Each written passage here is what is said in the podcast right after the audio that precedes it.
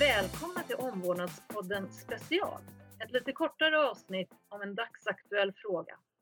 Vi är, när detta avsnitt spelas in, mitt uppe i en pandemi, covid-19. Sjukvården står under en extrem press och det är framförallt sjuksköterskor som uppmärksammats, får uttala sig och synas. Vår profession har verkligen visat sin betydelse då sjuksköterskor är helt nödvändiga i vården av dessa patienter. Jag heter Johanna Ulvarsson och arbetar för Svensk sjuksköterskeförening. Idag ska vi prata om hur det är att arbeta som ambulanssjuksköterska respektive IVA-sjuksköterska. Vi har hört många rapporter om den tunga belastningen på sjuksköterskor. Vad rör sig i huvudet när man arbetar med så svårt sjuka människor och dessutom måste hålla avstånd? Jag har idag bjudit in Eh, Veronica Lindström som jobbar hos eh, Samariten Ambulans AB som bedriver ambulanssjukvård på uppdrag av Region Stockholm. Sen är jag också docent och lektor på Karolinska institutet och jobbar inom specialistsjuksköterskeprogrammen. Helene Konte, jag arbetar som sjuksköterska på intensivvårdsavdelningen på Norrlands universitetssjukhus i Umeå. Jag jobbar även på specialistutbildningen för sjuksköterskor eh, på Karolinska institutet i Stockholm. Välkomna! Eh, Veronica, rent praktiskt, hur ser ett arbetspass ut för dig i, nu i dagsläget? Jag kommer ju, jag jobbar oftast nätter och eh, kommer till brandstationen vid sex, halv sju tiden och möter min kollega. Eh, och sen kommer vanligtvis en ambulans, eller ambulansen som vi ska jobba i, så löser vi av personalen och sen är, rullar vi igång och så rullar vi hela natten. Eh, och eh, skulle vilja säga att eh, återhämtningen sker mellan att vi eh, har lämnat av en patient och att vi åker ut till nästa patient som, eller vårdsökande som har andningsbesvär eller några andra bekymmer. Är det mer det, patienter än i vanliga fall? Jag tycker att belastningen är högre och sen så, och det här är ju också typ, eh, i Stockholm så har man utökat ambulansorganisationen jättemycket med sjuktransporter, bedömningsbilar och sådana här saker så att belastningen är väldigt mycket högre i ambulanssjukvården just nu. Men jag tycker ändå att vi fixar det rätt bra. Eh, gör vi. Visst, det blir längre väntetider och sådana här saker på de som är lite lägre prioriterade, men överlag så tycker jag att vi eh, hanterar den här situationen bra, gör vi. Vilka känslor uppstår då med, när de är väldigt svårt sjuka och inte kan andas ordentligt? Alltså det är mycket funderingar. nu har jag jobbat i natt så jag är hes. Jag har skrikit i ett eh, eh andning, eller sån här skyddsmask 90 under hela natten. Så tappar jag rösten så är det lite beroende på det. Eh, det svåraste skulle jag vilja säga är att närstående inte kan vara en delaktighet i vården på samma sätt som de är i vanliga fall. Eh, de har ingen möjlighet att följa med till sjukhus och det kan jag tycka är bland det jobbigaste som vi har att göra med i verksamheten överlag. Helene, eh, du är IVA-sjuksköterska. Hur ser eh, ett arbetspass ut för dig? Ja, jag jobbar ju i Umeå och där har man ju inte aktiverat krisavtalet ännu. Det kanske de har gjort när jag kommer till jobbet på torsdag. Jag, så jag kommer antingen kvart i sju eller så kommer jag vid ett till min arbetsplats eh, där jag tar en snabb läsrapport tillsammans med mina kollegor. Eh, och sen sätter vi på oss skyddsutrustningen och går in på en IVA-sal för att vårda våra patienter. Vi eh, är där inne från passets början till passets slut och vi får ett avbrott när vi löser av varandra så att man kan ta en paus. Och vad som har blivit väldigt aktuellt det är ju den brist på skydd som finns. Att man får verkligen tänka över och planera när man går ut från salarna för att minimera eh, materialet som man använder. Eh, men jag tycker att det har fungerat bra. Att det är någonting man diskuterar tillsammans. Hur gör man det på bästa möjliga sätt? Hur minimerar man användningen användning av material? Hur vårdar man patienterna på, på bästa sätt? och så finns det olika typer av skydd som man kan använda sig av som är mer eller mindre påverkande. Som du hör Veronicas röst så är hon väldigt hes. Jag har inte använt den typen av skydd ännu. Um, så det är liksom grundläggande hur, hur dagen ser ut. Och vilka tankar rör sig i ditt huvud? Jag tänkte mycket på det där det som Veronica pratade om och det tror jag nästan var det första jag reagerade på att man är så van som intensivvårdssjuksköterska att vårda patienten och familjen, att familjen får hela tiden medverka i omvårdnaden för man vet att familjen är den viktigaste, kan vara den viktigaste resursen för att patienten ska återhämta sig, för att de ska ha en verklighetsförankring. Eh, för att de ska må så bra som möjligt på en intensivvårdsavdelning. Och när man har besöksförbud på en intensivvårdsavdelning så blir det väldigt märkbart. Eh, och då får man ju hitta olika sätt att försöka inkludera familjen eh, oavsett om de får vara där eller inte. Men det är, jag en av de största utmaningarna med, med eh, att vårda patienten under den här pandemin, att det är någonting väldigt märkbart. Veronica, du vill ha replik? Nej, jag tänkte på det här med skyddsutrustningen. Vi hade ju samma dilemma i ambulanssjukvården att vi hade en extrem brist på material i början på den här pandemin och eh, gasmaskerna. Vi hade i ambulanssjukvården så hade vi ett jättestort brist initialt i pandemin men eh, där tycker jag att det har underlättat eftersom vi har våra personliga gasmasker. Det gör att det är mycket, mycket svårare att jobba och ha en dialog tillsammans med patienterna. Men samtidigt så ger ju det mig ett skydd som jag kanske inte riktigt hade tillgång i början av pandemin. Jag vet ju att det pågår ju samma diskussion att ha de här flergångsskydden eller de individuella skydden som den masken som Veronica pratar om. De, den pågår ju även i, på, i Umeå och på, i andra sjukhus, till exempel i Sundsvall och Västernorrland, då har de andra typer av skydd som, som har ett ja, som, som man kan använda flera gånger för att, att garantera att det verkligen finns skydd i vården. Samtidigt så är de här gasmaskerna ett jättestort hinder i kommunikationen med både patienter och närstående.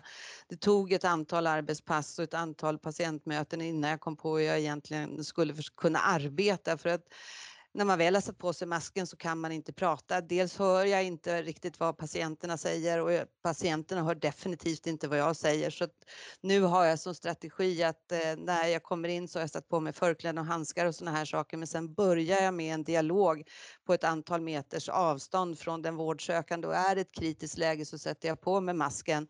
Men annars så gör jag så att jag ställer mig och frågar alla frågor som jag bara kan och försöker på det sättet skapa en relation med patienterna innan jag sätter på mig masken för att annars är det omöjligt att ha en dialog och diskussion efteråt. Ja, det, ni är bägge inne då på det här området personcentrerad vård och eh, ni har redan bägge två gett tips på hur man ändå kan eh, närma sig och ge eh, en god omvårdnad och försöka inkludera så många aspekter som möjligt.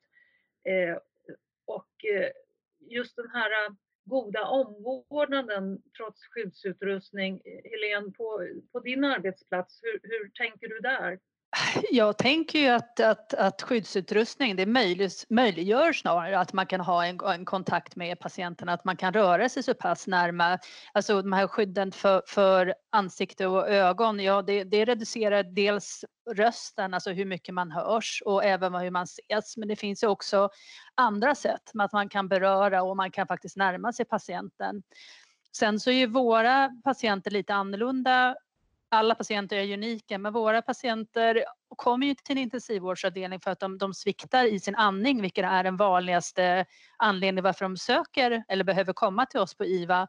Eh, så att de har ju oftast andra utmaningar när det gäller att kommunicera. Det kan vara så att de har en tub ner i luftvägen, att man behöver ta över deras andning. Eh, det kan vara så att de är nedsövda, alltså att man vet inte hur mycket de hör, man vet inte om de ser eller hur mycket de gör det. Och då handlar det ju mer att, att, att etablera en form av kontakt där man dels berör och markerar att man finns där och att man kommunicerar så tydligt som möjligt.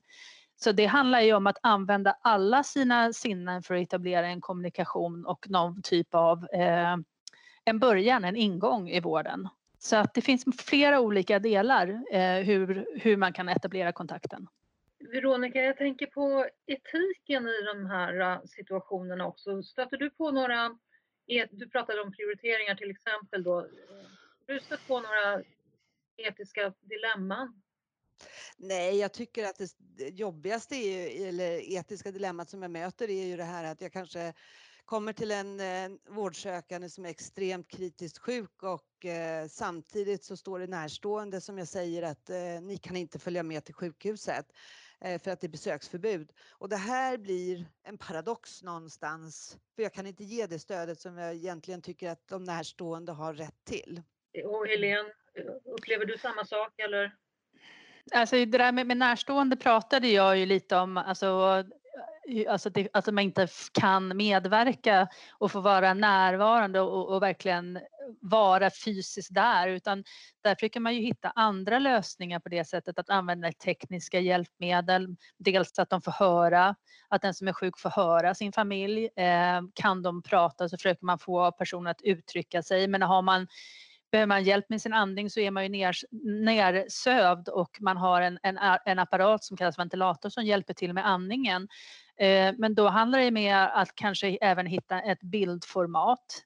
Men det blir väldigt mycket diskussioner om prioriteringar i intensivvård och vilka ska ha intensivvård och vad vårdar man patienterna mot för mål och kommer de att återhämta sig? Att man gör hela tiden det bästa man kan för patienten i den situationen de är, att ge dem bästa möjliga omvårdnad. Eh, och sen så är det hela tiden en, en, en diskussion. Alltså, var, var, var, kommer patienterna att landa någonstans efter, efter vårdtiden? Kommer de att överleva? Vilka problem kommer de att få? Eh, vilken tid av återhämtning behöver man? Vad behöver man göra nu för att, liksom, att lindra lidande och maximera välbefinnande för de här personerna som vårdas och deras familjer? Så det är hela tiden en diskussion eh, tillsammans med, med vårdteamet. Att jag tycker att något som verkligen har satt på sin spets är ju vår förmåga och våra möjligheter och, och, att samarbeta. Och det var ju lite det som Veronica var inne på tidigare, att man hittar nya sätt. Och jag tycker att det som utkristalliseras är ju att man jobbar mot ett gemensamt mål, att ge så många patienter så bra omvårdnad som möjligt tillsammans med andra professioner. Eh, där man har en diskussion om prioriteringar och, och vårdnivå och hur ska vi jobba tillsammans för att det ska bli så bra som möjligt. Och där även alltså, ledarskap, alltså de som sitter i ledande position eh, medverkar och utvecklar och har en plan framåt eh, där man liksom mobiliserar stora resurser. Så att, etiken, ja, det, det, blir etiska dilemman och, och, man har, men det handlar ju hela tiden om att man behöver ha en ref, reflektion utifrån alltså patientens bästa och flera patienters bästa. Veronica? Nej, jag instämmer helt och hållet med dig Helena att vi har ett gemensamt mål som vi strävar emot. Eh, eh, det som jag ibland funderar lite grann på det är de här om det finns några undanträngningseffekter. Det vet jag inte om det finns men jag saknar en hel del patientgrupper som söker vård eh, i ambulanssjukvården. Jag tycker att det är mindre patienter som ramlar i hemmet. Jag tycker att det, upplever att det är mindre patienter med centrala bröstsmärtor eh, och förmaksflimmer eller den här vanliga patientgruppen som vi faktiskt tar hand om i väldigt stor omfattning i ambulanssjukvården i vanliga fall. Och de undrar jag liksom om de på något sätt har blivit undanträngda utav coronan eller om det är deras egen rädsla för att komma in till sjukhus som gör att de inte söker den vård som de kanske egentligen borde söka. Sen så har jag också sett det här att patienterna jag tror, vet inte riktigt om det alltid blir en jämlik vård för det som vi ändå någonstans som har som ett gemensamt mål också att vi ska ha en jämlik vård det är att eh, vårdcentral eller primärvården har börjat använda sig mer och mer utav digitala vårdmöten vilket fungerar jättebra för den yngre generationen speciellt. Eh, men de här som är 90 år, de har inte riktigt den tekniska förutsättningen alltid för att kunna ha ett vårdmöte och de upplever jag ibland säger när jag möter dem att Nej men vänta, jag har försökt att få kontakt med primärvården men de har inte haft någon möjlighet att ta emot mig utan de har i stort sett blivit erbjudna digitala vårdmöten som i och för sig är fantastiskt bra men kanske inte för alla våra patienter. Så det där undrar jag också om det är någon form av eh, att det inte riktigt blir vård på lika villkor eh, i den vanliga vården som ska också bedrivas samtidigt som vi bedriver all den här covidvården. Och den vanliga vården kanske inte ens är medveten om eh, det här du berättar nu, de här patienterna som berättar för dig att de inte kände sig välkomna. Helene? Eh, jo, men jag tänkte på en annan sak Veronica, liksom i samband med det du tänker. Jag tänker att nu är vi inne i ett, ett, läge där allt ska bedömas om det är covid-19 eller inte. Och jag tänker att det som också oroar mig, inte bara att man inte når patienterna där du jobbar, men jag tänker också de som kommer in till sjukhus där man bedömer att de har ett andningsproblem och att man, då måste man utgå ifrån på något sätt att det är covid-19 fast det är en hjärtsvikt, att faktiskt vården också blir fördröjd eh, kanske försämrad. Det dröjer längre tid för att få korrekt vård i och med att vi är inne i den situationen. Så jag tror att det här är någonting vi kommer lära oss massor av efteråt. Att det kommer ju leda till risker för andra patienter som, som inte är smittade. För man måste utgå ifrån att de är smittade. Och det är någonting som jag funderar på, liksom hur, mycket, hur mycket komplikationer leder det här till och hur mycket fördröjningar i vårdkedjan leder det här till? Det är ju många patienter som kommer in på sjukhus med andningsproblem. Där, där anledningen är ju inte att de är smittade av en influensa eller att de inte, utan det handlar om att de har en hjärtsvikt eller att de har fått en hjärtinfarkt men vården blir fördröjd av de här, eller kan bli fördröjd för de här personerna på grund av att vi är inne i det läget vi är inne i. Att, att det kommer ju komma rapporter efteråt om andra saker. Eh, hur personer påverkas av, av det samhället och den strukturen vi är inne i just nu. Jag tänkte eh, binda ihop det här lite grann nu. Eh, en sista fråga är ju att sjuksköterskans arbete eh, innebär ju så väldigt mycket mer än eh, att bara se till att patienten överlever eller ge god omvårdnad eller, eller har ett, en god död. Eh, vi gör ju också medicinska bedömningar förstås. Vi vidareutbildar och kompetensutvecklas. Vi handleder och vi ska arbeta med verksamhetsutveckling.